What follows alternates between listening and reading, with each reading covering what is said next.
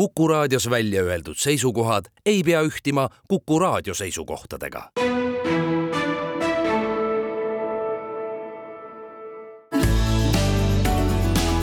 keskpäevatund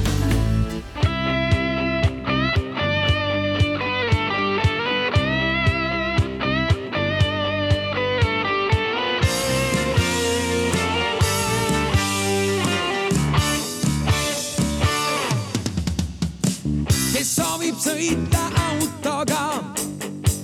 võib elus üht-teist kaotada, sest raadikuliit võib nähvata siit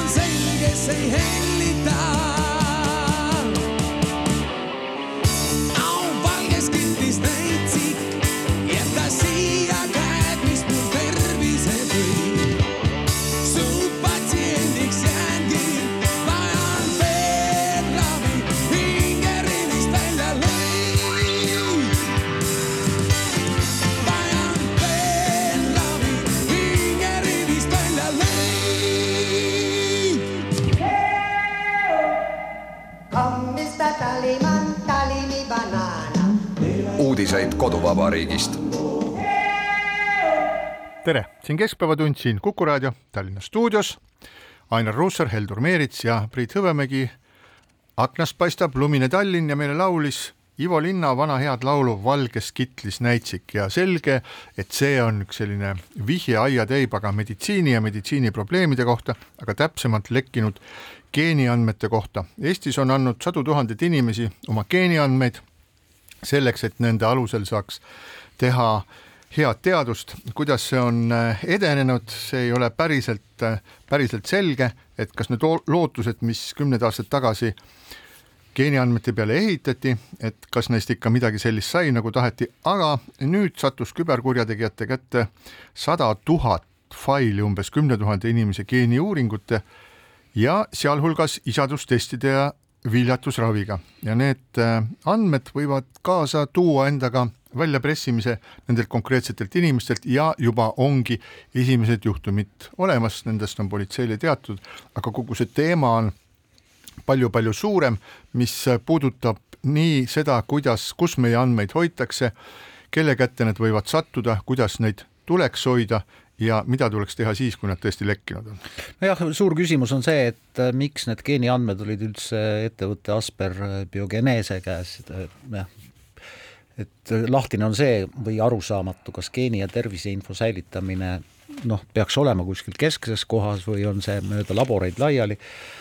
Äh, praegu puudutab see andmevargus kokku neljakümmet terviseteenuse osutajat, nende hulgas on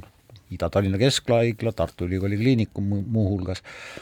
aga Andmekaitse Inspektsioon on juba öelnud, et tegemist on Eesti küberkuritegevuse ajaloo kõige suurema andmerööviga. ja nüüd äh, Andmekaitse Inspektsioon uuribki mitte niivõrd seda, kes selle kuriteo toime pani, vaid seda, et äh, kuidas see võimalik oli, ehk siis millised on need praod või mõrad äh, süsteemi kaitsetes ja politsei omakorda siis uurib tõepoolest neid väljapressimisjuhtumeid, mida juba on tehtud.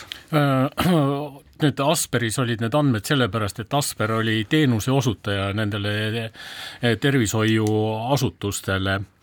ja noh, ilmselt nüüd on jah, see andmekaitse roll siin nagu väga-väga selge, eks, et, et noh, et sest põhiküsimus peaks olema ikkagi, et, et mida, mida siis Asperis valesti tehti ja, ja kuidas sedasama valesti tegemist teistes asutustes vältida. et noh, mõnikord ajab andmekaitse küll nagu väga, väga imelikke asju, kaitseb meid no üsnagi olematute ohtude eest, aga antud juhul jah, et, et ma olen nagu nõus, et see on nagu tõepoolest tõsine ja päris asi nojah, ma loodan, et äh, ühtepidi on õudselt hea, et meil on e-tervis ja patsiendiportaal ja kõik on ühes kohas kõik kättesaadav ja endal väga mugav kasutada ja nii edasi, aga aga noh, tõepoolest ma loodan, et sellised, sellised äh,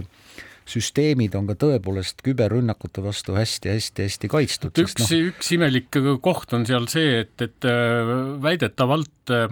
oleks need tervishoiuasutused, kes nüüd kasutasid Asperi teenuseid, nad pidanud kuidagimoodi hindama, kui hästi või õieti Asper seda äh, kõike korraldab ja et, et see tundub mulle küll praegu veidikene kummaline, sest et noh, kui, kui ka mina oleksin nüüd nagu selle Asperist teenuse ostja rollis et ma kardan, et, et ikka vist jääks sellest pädevusest puudu. no ja siin on näiteid palju ja tegelikult Euroopa Liidu, Liidus on kirja pandud nõue, et isikuandmete tööt-, töötlejad, sel juhul siis antud juhul haiglad, peavad tegelikult suutma tõendada, et nad on rakendanud vajalikke tehnilisi meetmeid andmete kaitseks, ehk siis ma ei tea, kas keegi äh, on küsinud või uurinud äh, noh, näiteks nende haiglate puhul, et kas nad on neid vajalikke andmeid rakendanud ja neid ka suudavad tõestada aga Euroopa Kohtu otsusega, hiljutise otsusega on ainuüksi inimese kartus, et tema lekkinud isikuandmeid võidakse vääralt kasutada põhjuseks, et äh, esitada mittevaralise kahju nõue. ja Soomes oli hiljuti andmeleke, kus kur-, küberkurjategijad röövisid kaks tuhat pat-, kahe tuhande patsiendi andmed ja noh, see lõppes ühe tervishoiufirma pankrotiga. nojah, kui seda kuidagi näitlikustada või tuua mingisugune paralleel, siis see võiks siis see võiks olla umbes nii, et äh, inimesel on, inimene on, omab relvi või jahipüssi ja tal on seaduse järgi kohustus hoida seda oma kodus spetsiaalses kapis suletuna. nüüd inimene jätab selle, selle kapi ukse lahti, keegi tungib majja, varastab selle relva ja sellega koos siis langeb vastutus ka sellele inimesele, kes ei hoidnud nüüd oma relva täpselt nii, nagu ta oleks pidanud seaduse järgi hoidma. ja siin on ilmselgelt ka niimoodi, et need väiksed firmad või laborid, kes mitmesuguste andmetega siiski kokku puutuvad ja teevad siis tellimust, tellimustöid. Eestis on ju selliseid ähm, eraettevõtteid, mis töötlevad äh, sadu tuhandeid, võib-olla miljoneid äh, erinevaid juhtumeid, no kui me lihtsalt meenutame seda koroonaaega, et ega siis keskhaiglas ei, või kuskil ei neid äh, koroonateste ei tehtud, neid tehti Synlabis ja veel mitmes kohas. et mida suuremad ettevõtted, seda tugevamad on tavaliselt siis turvameetmed, samal ajal paistab, et ei ole päris, riigil ei ole päris selget ülevaadet, et kui palju on neid laboreid veel, kelle käes võivad olla mingisugused andmed ja millised, millises seisus nad võivad olla. et äh, seadus nõuab küll, et need tervis, tervisega seotud andmed oleksid ühtsetes andmebaasides, äh, aga tegelikkuses paistab, et see siiski nii ei ole. ja nüüd, kui me siit nagu läheme sammuks edasi, siis tegu oli siis mitte nii-öelda lekkega selles, selles mõttes, et unustati mingisugune kraan lahti ja siis hakkas sealt nagu põrandale vool, andmed hakkasid põrandale voolama, aga tegu oli siis kuriteoga, kus andmete sinna andmebaasi murti sisse ja sealt teadlikult siis kopeeriti mingisugune hulk neid asju välja. see, mis puudutab seda Asper, Asperi nimelist firmat ennast, siis nende süü on see, et nad jätsid kaks kappi lahti, üks kapp oli see, et nad ei olnud äh, krüpteerinud ja isikuandmed ära võtnud andmetelt, ehk et nende andmete järgi on võimalik siis isi, isikute äh, isikuid tuvastada ja on võimalik teada saada võib-olla, et kes on kelle isa ja kellel on viljakusega nii või kellel on viljakusega naa. no, ja see on üks asi ja teine on see, et ähm, nende turvasüsteemid ei olnud äh, piisaval kõrgusel või ei olnud piisavalt tugevad, et äh, siis äh, vältida taolist asju. firma iseenesest on muidugi nüüd nagu teinud nutust nägu ja öelnud, et väga kahju, et meil on niimoodi, üks oluline aspekt on veel see, et selle firma üks omanikke on siis väga kuulsa viljatusarsti Sõritsa oma firma Eliit ja Sõritsa on nüüd ajakirjandusele kinnitanud, et ei, et äh, tema firma andmeid sealt kuskile jooksu ei läinud, aga kõik see näitab kokku, et, et seal nagu nii palju asju, üks on siis firmades toimuv äh, andmekaitse, et see oleks piisavalt hea, teine on see, et kurjategijad lõgistavad kogu aeg uksi, kui uks on praakil, siis ka seesama see äh, Asper bioge-, biogeen ju esitas ise novembrikuus politseile avalduse, et andmed on varastatud ja et neile on esitatud lunarahanõue. tavaliselt meditsiiniasutused neid lunarahanõudeid ei maksa, aga samas on väga hästi teada, et suured meditsiiniasutused on võimalik, seda on maailmas palju kordi olnud, on võimalik täielikult seisma panna ja mõnikord nad maksavad salaja selle eest, et nende töö saaks jätkuda, näiteks kõik operatsioonisaalid äh,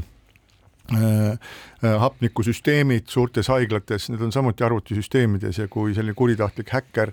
ütleb, et ta võib kõik blokeerida, siis te võite ise ette kujutada, mis äh, siin pärast seda juhtuda võib no võib-olla hakkab kohale jõudma tõepoolest see, et äh, küberrünnakute arv viimastel aastatel on ikka nii meeletult kasvanud ja ja paljud neist küberrünnakutest on noh, teeninud rohkem või vähem oma eesmärke.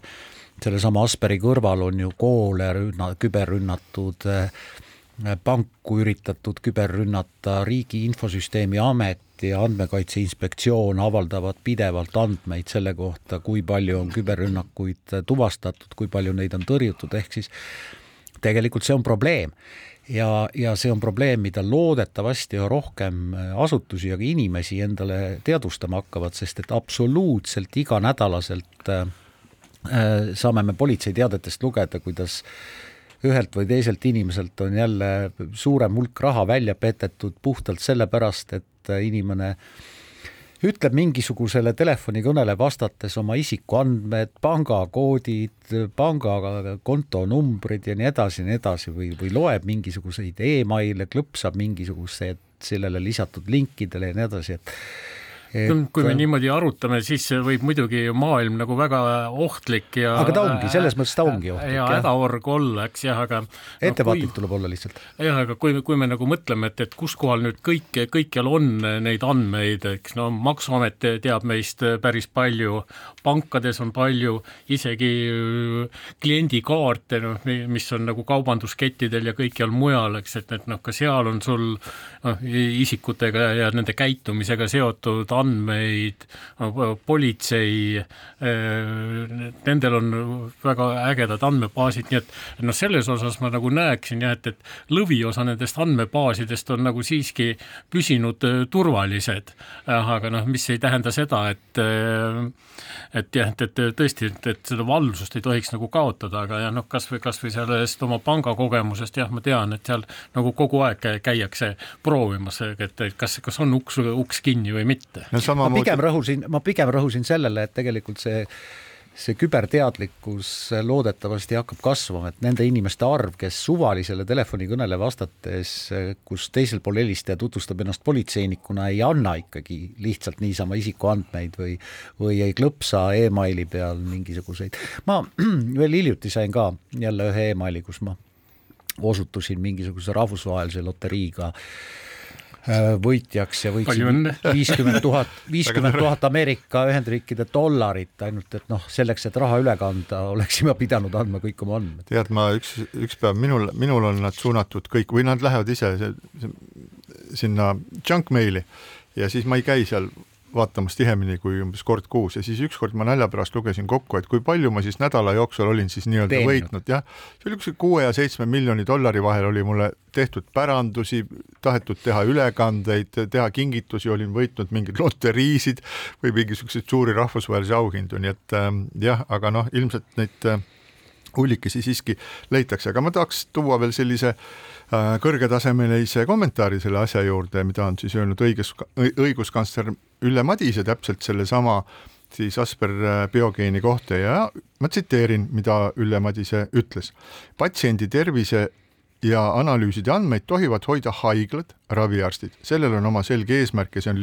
lihtsa ja selge sõnaga seaduses kirjas. kuidas said sellised andmed üleüldse olla erafirma käes, kes sisuliselt on labor, see on suur küsimus. Ja eks me vaatasime ka nende testide tellimise blankette ja materjali, mis on selle firma kodulehel, no on väga küsitav, kas seal sellisel viisil antud nõusolekust võiks piisata, ehk teiste sõnadega nüüd äh, mingis mõttes on see juhtum olnud selline katalüsaator, kus on siis äh, väga erinevad ametkonnad, siin on kaasatud on politsei, siin on siis äh, õiguskantsler, siin on äh, veel ähm, Riigi Infosüsteemide Amet, andmekaitse inspektsioon. andmekaitse inspektsioon, et tegelikult arvestades, et kui palju erinevaid selliseid äh, pooli on sellesse äh, sisse astunud, on, on tähelepanuväärne ja loodetavasti asi saab, saab korda, noh, samal ajal paralleelselt sellega siis jookseb veel üks liin, mis puudutab siis ähm, geeniandmete käitlemist ja käsitlemist ja nende tulevikku Tartu Ülikoolis, see on üks selline pikem teema, mis on praegu pooleli, aga see nii-öelda see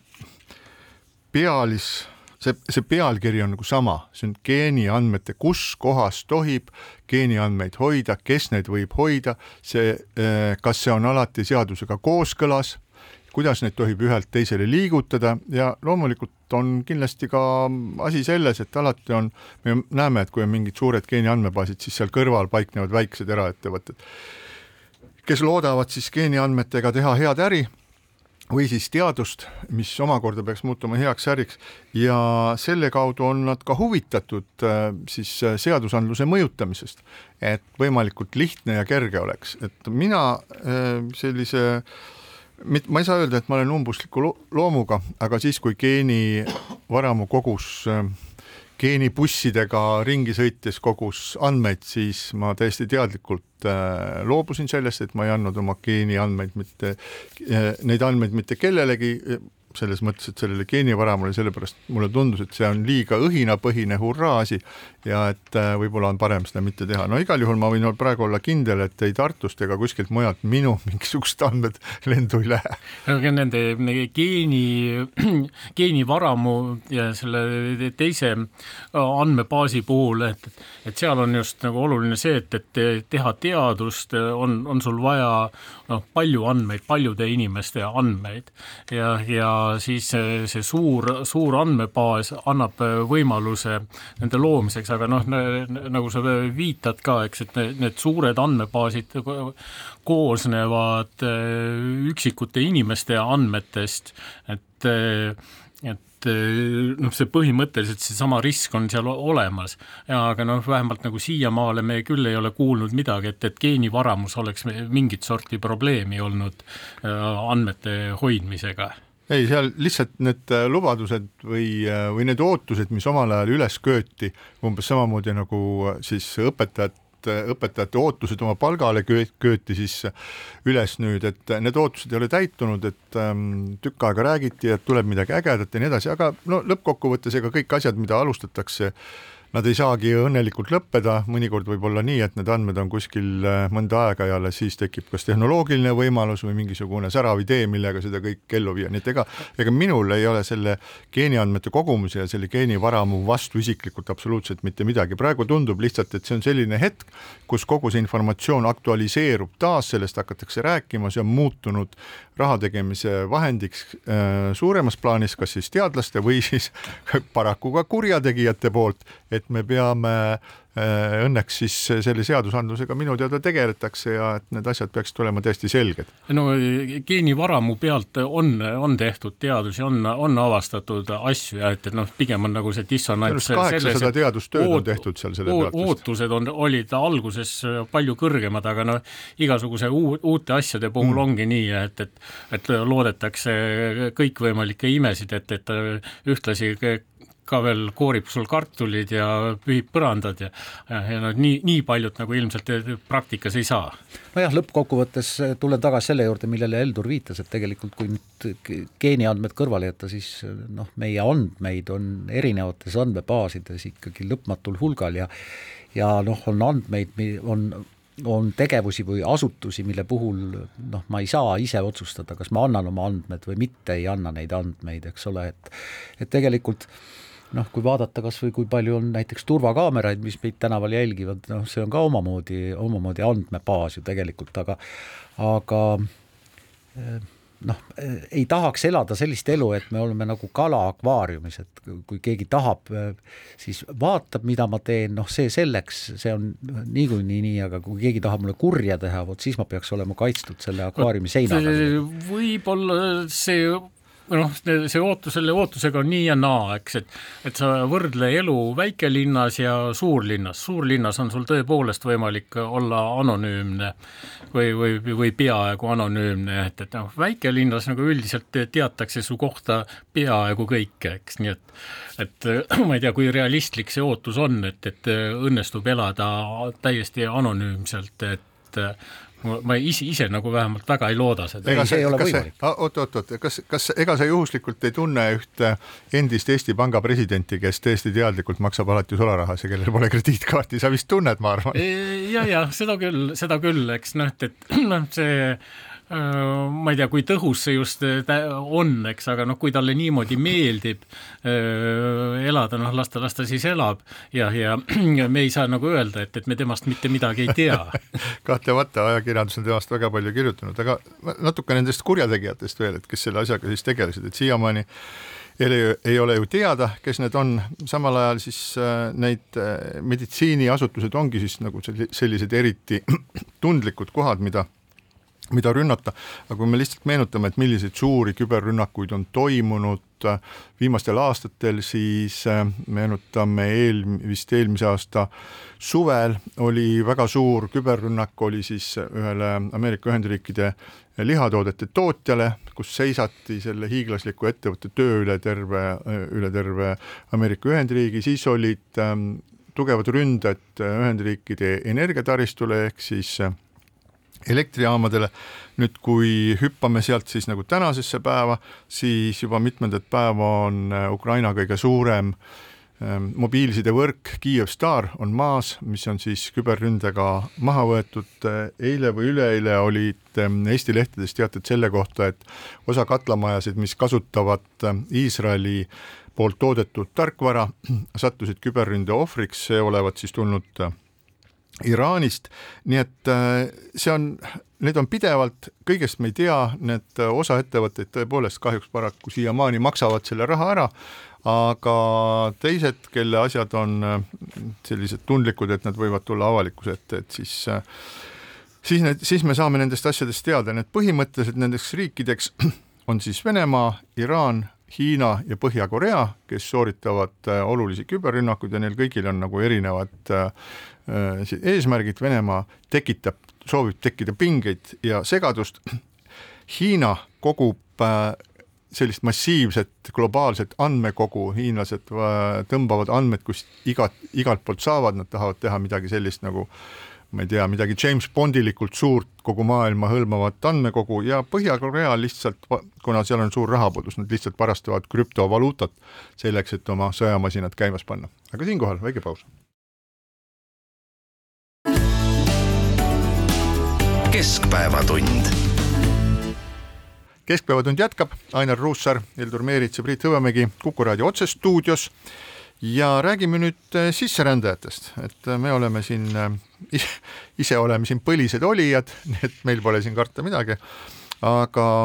erinevad sellised rändehood üle maailma käivad nagu tuuleilid, noh, ei ole ju väga kaua aega möödunud sellest, kuidas siis Soome piiril Soome piirile saabus ähm, üle lumiste väljade jalgratastel väga palju Süüria ja Somaalia päritoluga inimesi, Soome pani piirid kinni, siis tegi paar päeva tagasi uuesti lahti ja pani uuesti kinni, pani uuesti kinni kuni neljateistkümnenda jaanuari, sellepärast et kujutage ette, et kuskil seal äh, lumist, lumistel lagendikul need süürlased ja somaallased ja ma ei taha üldse neid, ma ei taha neid vähendada ega, ega nende üle ironiseerida, et selge on see, et seda Venemaa täiesti ametlikult FSB ja piirivalve abil siis lükkab neid inimesi sinna ja tekitab segadust. aga kus, kuskil nad olid siis üle elanud selle mingisuguse vahepealse külma perioodi ja juba jälle olid jalgrattad käes ja juba jälle nad väntasid siis nende piiri piiripunktide poole. Eesti eh, vaatab tähelepanelikult, mis seal, mis seal toimub, aga samal ajal on meil ju olemas ka ametlik sisseränne, siis mille kvooti soovitakse tõsta null koma ühe pealt null koma kolme peale selleks, et oleks rohkem töötajaid ja nendele ettevõtjatele, kellel neid on vaja ja samal ajal teadvustatakse ikkagi Eestis väga hästi seda ohtu, et äh, siia sisse saabunud inimesed võivad kukkuda meie üldisest äh, nii-öelda eestilikust äh, elust ja süsteemist välja, getostuda ja ka radikaliseeruda. no õnneks meil getosid sellisel kujul, nagu me võime neid mõnes Süda-Euroopa riigis äh, näha, tekkinud ei ole, noh, kui jätta see nõukogudeaegne Venemaalt siia rännanute suur hulk kõrvale, aga ka nemad on tegelikult ikkagi pigem assimileerunud, aga mida ma tahaksin öelda, on see, et minu meelest Eesti võiks ja peaks olema oma poliitikas karmim, Ehm, noh, kui me rääkisime karmist poliitikast, siis soomlaste idapiiri sulgemine on üks näide, ka lätlased on tegelikult äh, palju jõulisemalt äh, olnud nendes inimeste suhtes, kes äh, on saanud alalise elamisloa, aga ei ole püüdnudki ära õppida, õppida läti keelt. Ja selles mõttes mulle väga meeldib esialgu küll idee, mis Siseministeeriumis ringleb, et Eesti peaks hakkama kolmandatest riikidest siia saabujatele, kes siis viisat taotlevad, nõudma karistusregistri väljavõtet, panga väljavõtteid ja sotsiaalmeediakontosid ka, ehk siis et kontrollida tegelikult neid inimesi, kes siia tulevad. olukord on selles mõttes silmnähtavalt äh, muutunud, et äh, need mõned korrad, mil, mil ma olen viimased viimastel kuudel kasutanud ühte odavat taksofirmat, ei ole ma kohanud seal juhti, kes oskaks sõnagi eesti keelt, ma ei tea, ma ei ole toidu, toidukulleriga toitu kunagi tellinud, aga kui ma tänaval vaatan neid toidukullerite kotte kandvaid inimesi, siis äh, noh, nad ei ole kõik äh, väga euroopaliku välimusega, ehk siis äh, ilmselt teevad nad tööd siis mingisuguse ajutise turismiviisa alusel äh, kas see on võimalik, ma ei tea, ja noh, ka Eesti ülikoolid on tegelikult olnud ju üks selline koht, kuhu õppima asuvad väga paljud inimesed, kes on pärit väljaspoolt Euroopa Liitu, mis ei ole iseenesest halb, aga aga jah, kuidas seda kuidas seda rännet piirata ja seda kontrolli all hoida, see on üks suur küsimus, ma arvan, kogu Euroopale. et äh, kui ra-, räägitakse, arutatakse immigratsioonist, siis siin Eestis noh, kõige, kõigepealt äh, tuuakse venelased äh, negatiivse näitena, kes, kes nagu nende pessimistide meelest ei ole kohe üldse integreerunud ja no teise negatiivse näitena need, needsamad eh, getod või, või piirkonnad, jah, kus eh, elavad siis türklased või araablased ja noh, kes, kes samamoodi pole integreerunud. aga selle kõige juures nüüd tuleb mõelda, et, et me, meie tänane olukord on hoopis teistsugune kui need kaks võrdlusnäidet, et, et et me, me täna oleme iseseisev riik ja, ja ma arvan, et, et me peaksime venelastele ka nagu senisest hoogsamalt ütlema jah, et, et ilma eesti keeleta te siin ikkagi pikas plaanis toime ei saa. Ja nüüd need Lääne-Euroopa näited, seal on äh,, domineerisid sellised veidrad inimsõbralikud naiivsed ettekujutused ja et, et kuida-, kuidas need immigrandid äh, käituvad Euroopasse jõudes, jah, aga nii Põhjamaades, Saksamaal, et, et seal on need vaated selgelt muutunud, et, et kõigis nendes räägitakse, et immigrandid peaksid läbi tegema need kohanemiskursused ja noh, samuti hakatakse nagu oluliselt rohkem vaatama, et, et mis määral nad siis, need inimesed äh,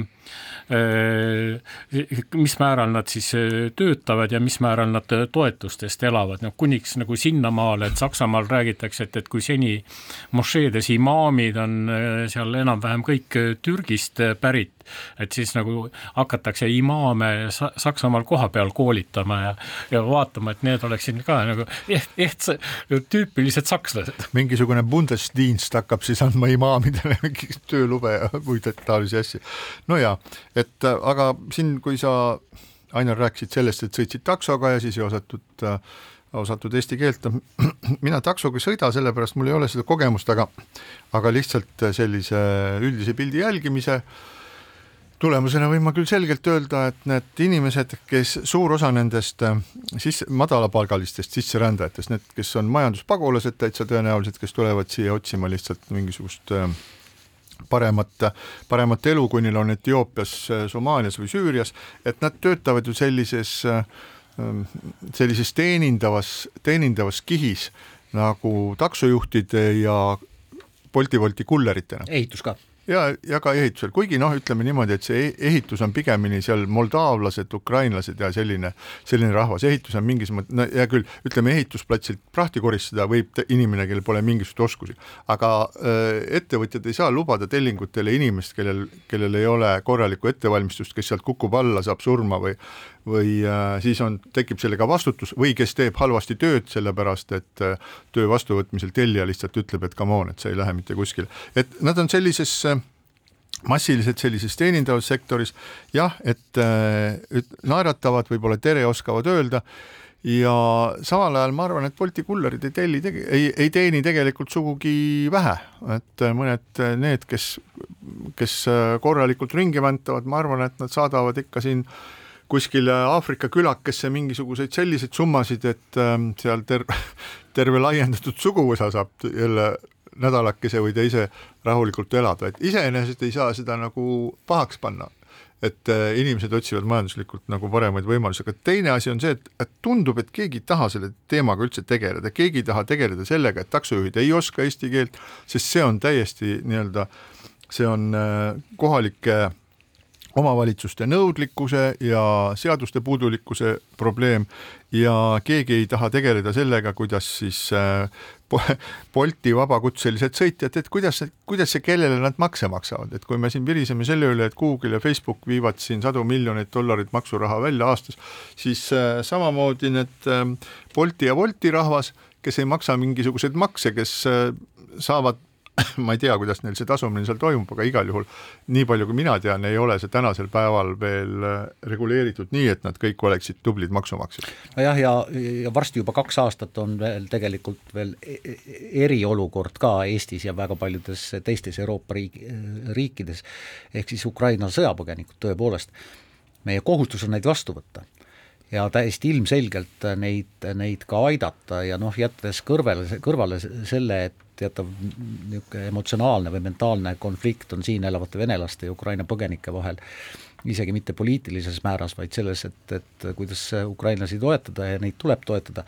aga üha rohkem on ka mitmed ametiisikud tunnistanud, et tegema, ega me tegelikult ei tea, kes nende põgenikega koos siia riiki võib tulla olnud. ehk siis mina olen küll seda meelt jah, tõepoolest, et need, kes Eestis elavad ja Eestis tööd teevad, need peavad olema ikkagi selgelt kontrollitud taustaga. Ja kui nad töötavad siin pikemalt kui turismiviisaga või, või lihtsalt õpingute ajal, siis peab neile olema ka mingisugused väga selged reeglid kehtestatud, noh esimene reegel on ikkagi keeleoskus elementaarsel tasemel. kunagi ammusel hallil ajal, kui Isamaa ja sotsiaaldemokraadid olid ühel ajal valitsuses, et, et siis oli jutuks äh, immigratsiooni skooringud, et, et kus äh, siis oleks vaadatud, et, et kui, kui kasulik ja väärtuslik see inimene meie äh, majandusele ja ühiskonnale oleks jah, aga siis äh, sotside äh, mingisuguse veidra ideoloogilise kaalutluse tõttu jäi, jäi see juhtumata, aga nüüd, et probleem on meil ikkagi endiselt sama, eks, et et meil on nagu võimalik valida kahe kehva variandi vahel, et, et kui me nüüd immigratsiooni täiesti kinni paneme, siis, siis meil on, tulevad kõik need hädad, mis käivad koos äh, rahvastiku vananemisega ja, ja noh, alternatiiv on see, et, et me kasutame võõrtööjõudu, aga siis, siis me peame hakkama saama ka nende inimeste integreerimisega ja, ja noh, õigupoolest tõesti ka piiril filtreerimisega, kuigi ma ei tea nüüd, kui efektiivne just see asi olla saab et, et noh, pigem, pigem me näeme nagu neid inimesi siiski siin tegutsemas ja, ja siis me saame nagu võib-olla ehk täpsemalt hinnata, et, et kes tuleks välja saata. see on nagu mitte. mingisugune kummaline mäng, kus nagu tehakse nägu, et eh, osasid asju ei ole, et nad on läbipaistvad või nad ei ole näha, et samal ajal kui me näeme, et meil on kõik taksojuhid sisuliselt eh, sisse sõitnud, kui me näeme, et kõik kullerid on sisuliselt sisse sõitnud, siis äh, nüüd, kui me tuleme selle juures tagasi siis selle sisserände kvoodi juurde, mis on siis olnud äh, null koma üks ja mis on umbes tuhat kolmsada inimest ja mida nüüd soovitakse tõsta või tõsteti, ma, ma ei tea, null koma kolme peale, mis tähendab sinna juurde veel kaks tuhat kuussada inimest, mis on kokku siis neli tuhat inimest, siis äh, äh see on selge, et, et et seda numbrit siis arvestatakse umbes nii, me ei näe neid äh, Bolti, Wolti, kullerite taksojuhte siin, me ei kontrolli, me ei tegele nendega mitte midagi, aga siis arutame selle üle, et kas, kas Eesti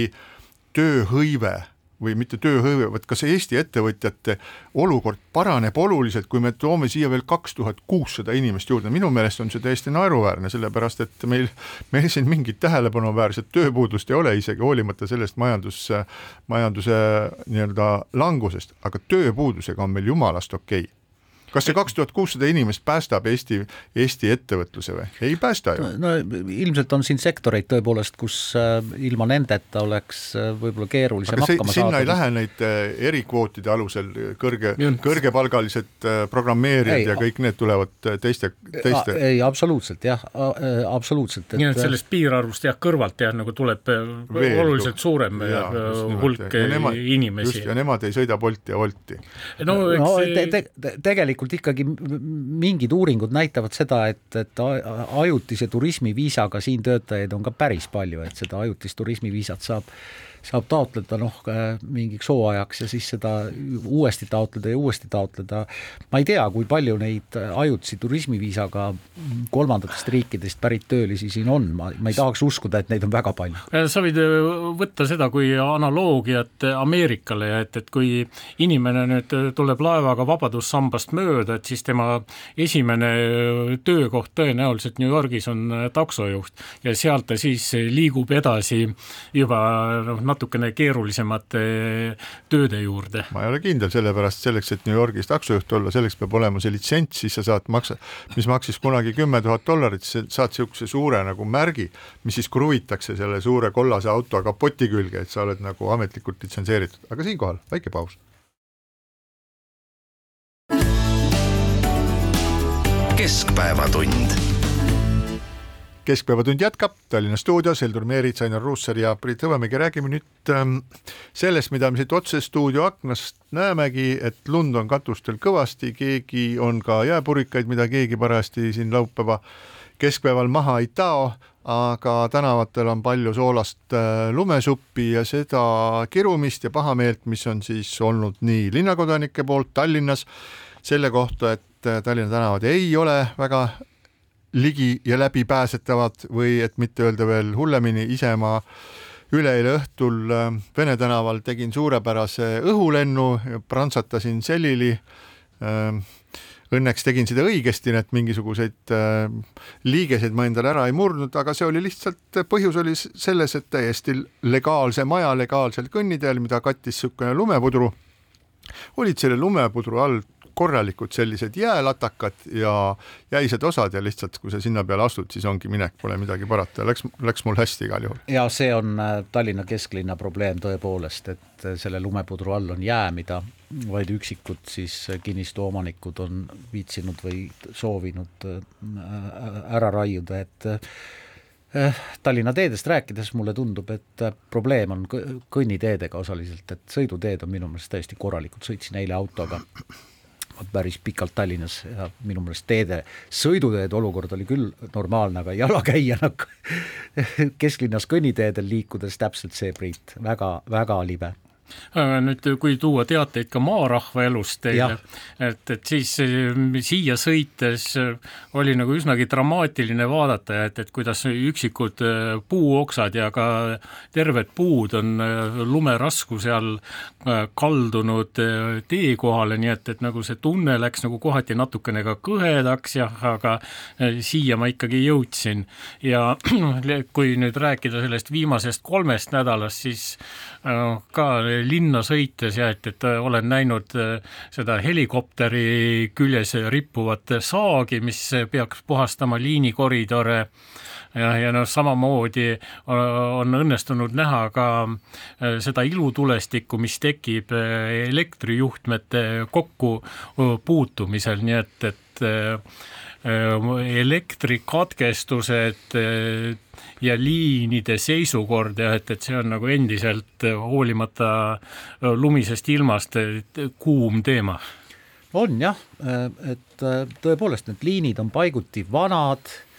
nende väljavahetamine on kallis ja noh, see, et põhilised elektriliinid äh, nii-öelda kaabliga maa alla viia, see on liiga kallis, seda on kõik asjatundjad öelnud, et noh, selleks ei ole võimeline. no need on need keskpingeliinid, madalpingeliinid on vist viidud kõik sinna, mis tulevad sealt kuskilt posti otsas on maamaja juurde, et see on maa-alune, aga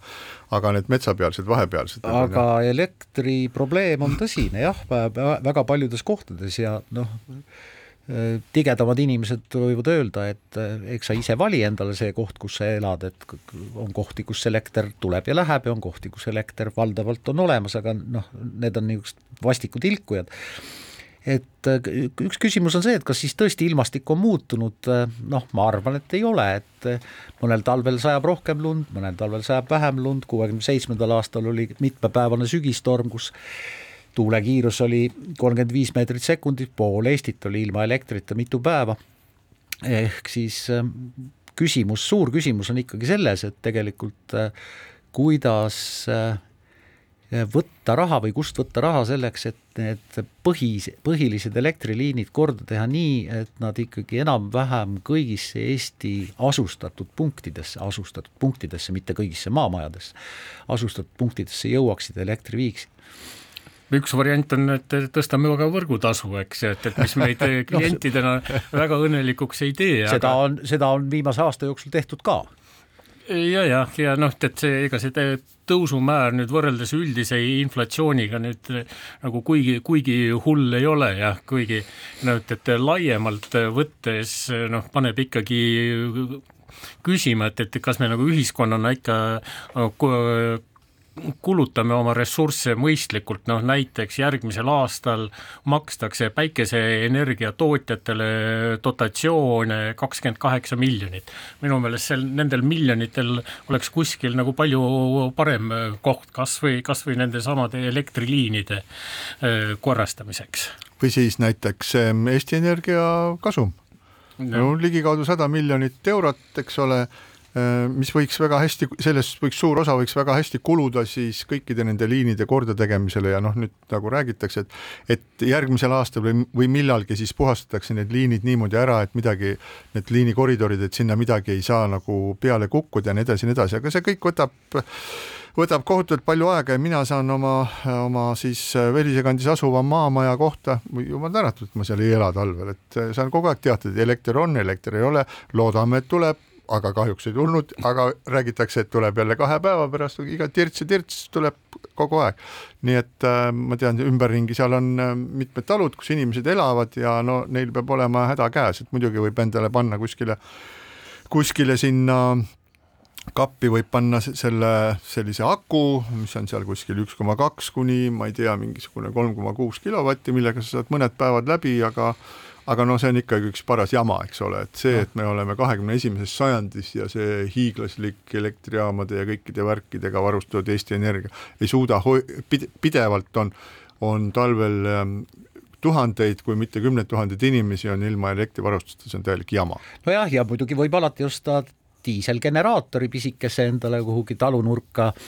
valada sinna diislikütust ja karjuda rohepööre ja, ja. Oota, oli plaan ju, et siis need, ma, ma saan aru, et seal kuskil Dubais peeti suurt koosolekut ja seal nagu tõsteti kätt selle poolt, et vaikselt loobume, loobume vaikselt siis nendest või vähendame fossiilsete kütuste kasutamist ja nüüd siis teeme nagu puhtas, puhtas metsas ilusa ilma,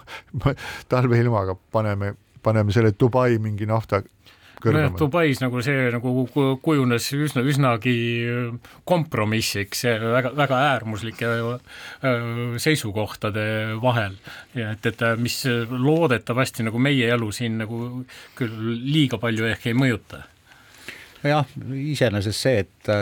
et Ühendemiraatides naftariigis äh, Äh, räägiti mitu päeva sellest, kuidas fossiilsete kütuste kasutamise piirangutes peaksid kõik kokkuleppele jõudma ja lõpuks mingisugune selline poolhämar kokkulepe ka sündis, mina ei ole lugenud sealt välja küll ühtegi numbrit või tähtaega, et kõik riigid kohustuksid vot selleks ja selleks ajaks ma ei tea, vähendama nii ja nii palju oma fossiilsete kütuste kasutamist, et see on see on väga keeruline, kohe, ilus on see, et lepime kokku, et vähendame keskkonna saastatavust, aga ilma konkreetsete eesmärkidega ei ole sellel sellel rohepöördel minu meelest nagu õiget ja sirget teed. no ma ei tea, see, need soojadel, soojal maal toimunud kliimakõnelused olid minu meelest selliste vastikute haisvate detailidega kaunistatud, et noh, minul isiklikult kadus igasugune respekt sel, nende, selle COP-i nimelise äh, kliima äh,, kliimakongressi ja selle arutluse kohta, et see on ju selge, et kui seal üks nendest peategelastest samal ajal siis kliimakonverentsiga Äh, püüab ajada oma naftariigi asju ja sõlmida siis äh, üksik, üksikute riikidega mingisugused positiivsed ettevõtted, et, et siis see, see ei ole midagi toredat, ma tahtsin korraks selle lume juurde tagasi tulla, et siin sellel nädalal Tallinna linnapea ühtlasi ka Eesti Keskerakonna esimees Mihhail Kõlvart on ostnud suurte ajalehtede esikaant ja paigutanud sinna oma oma teksti soovinud kaunist jõuluaega ja paremat uut aastat ja siis algab nende sõnadega, ma teeks väike, soovitaksin natukene seda ümber teha, algab sõnadega, kuigi käes on kaunis jõuluaeg, siis paljudel on täna väga raske. väga raske on nendel inimestel, kes peavad Tallinna libedatel teedel kõndima, kes seal kukuvad ja satuvad võib-olla EMO-sse või siis äh, erakorralisesse arstiabisse. ma tahaks öelda, kuule, Mihhail, jäta see sellise riigipoliitika mängimine, mis ilmselt ei tule välja, tee palun korda Tallinna tänavad, selle eest näiteks meie Tallinna, Tallinnas elavad inimesed maksame oma üksikisiku tulumaksust kogu aeg osa, tee need asjad korda, las tänavad läigivad ja siis võib-olla võid arutada selle üle, et kas Kaja Kallas on nagu õige peaminister või mitte. ja sellega paneme tänaseks punkti, kohtume taas nädala pärast, kõike head. keskpäevatund